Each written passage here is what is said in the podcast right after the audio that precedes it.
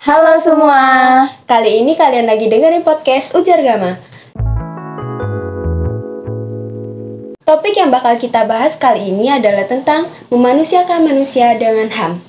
Di sini aku Nana, podcast kali ini aku nggak sendirian, tapi bareng partner aku Salsa. Sal, kamu tahu nggak sih apa itu hak asasi manusia atau HAM?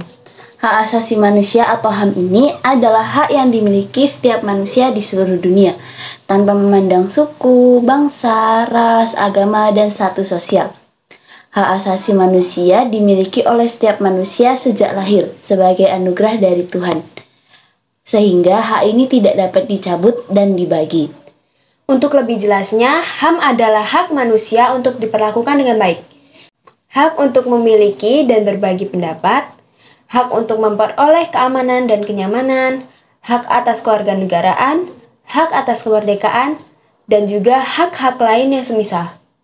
Pada intinya, HAM ini berisikan tentang hal-hal yang memperlakukan manusia sepatutnya, atau mungkin bisa disebut dengan memanusiakan manusia.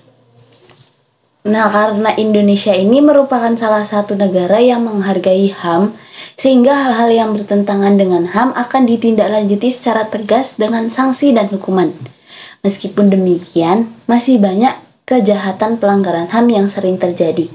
Nah, menurut Nana sendiri, salah satu isu pelanggaran HAM yang lagi sensasional banget dibahas di Jogja saat ini tuh apa sih? Kalau menurut aku salah satu uh, pelanggaran HAM yang lagi trending banget, yang lagi rame banget di Jogja ini itu adalah klitih. Nah, dalam podcast kali ini kita akan mengangkat salah satu pelanggaran HAM tersebut, yaitu tentang klitih. Menurut Datu Jatmiko, klitih adalah jenis kenakalan remaja dan kekerasan di masyarakat. Klitih dilakukan dengan aksi menyerang, menyakiti, bahkan membunuh korban di jalanan pada malam hari. Pada mulanya, klitih dilakukan oleh sekelompok remaja di Yogyakarta sebagai unjuk eksistensi dengan menyerang kelompok lain. Namun saat ini tindakan mereka bukan hanya menyerang, tapi bahkan membunuh. Dan sasaran mereka pun lebih luas, tidak hanya musuh mereka, namun juga warga sipil lain yang dipilih secara acak. Fenomena ini sudah merenggut banyak korban dan pastinya hal ini sangat bertentangan dengan HAM. Tertulis dalam pasal 28A bahwa setiap orang berhak untuk hidup serta berhak mempertahankan hidup dan kehidupannya. Salah satu kasus kelitih yang sempat menggegerkan adalah pelaku kelitih yang membunuh seorang pelajar yang hendak mencari sahur dan diketahui bahwa dia adalah anak seorang DPR. Menurut kronologi polisi, Korban bersama enam temannya sedang makan-makan di sebuah warung di Gedong Kuning pada minggu dini hari sekitar pukul 2 waktu Indonesia bagian Barat.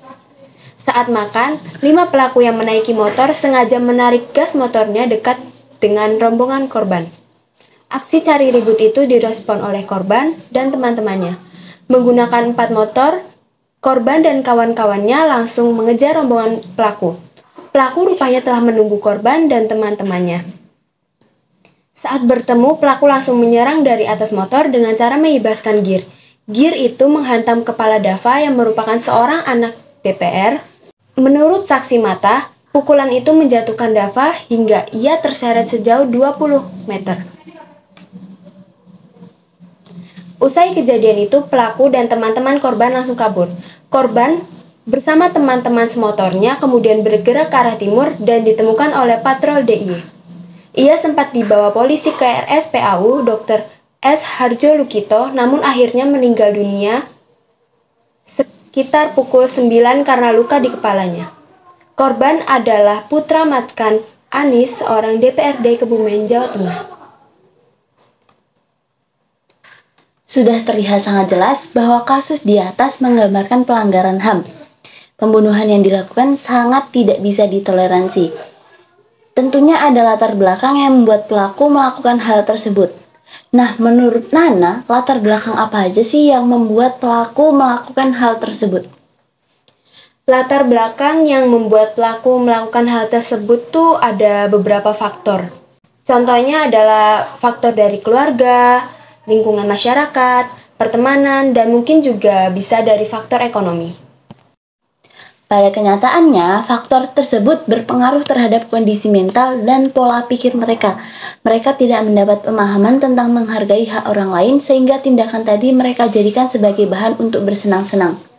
Mereka juga merasa tidak diperlakukan dengan baik oleh lingkungan sekitarnya, sehingga lagi-lagi hal tersebut dilakukan sebagai pembalasan dendam atas perlakuan yang mereka terima. Untuk mengurangi kejadian yang serupa ataupun untuk meningkatkan kesadaran pentingnya untuk menghargai hak sesama, perlu adanya upaya-upaya yang harus ditegakkan.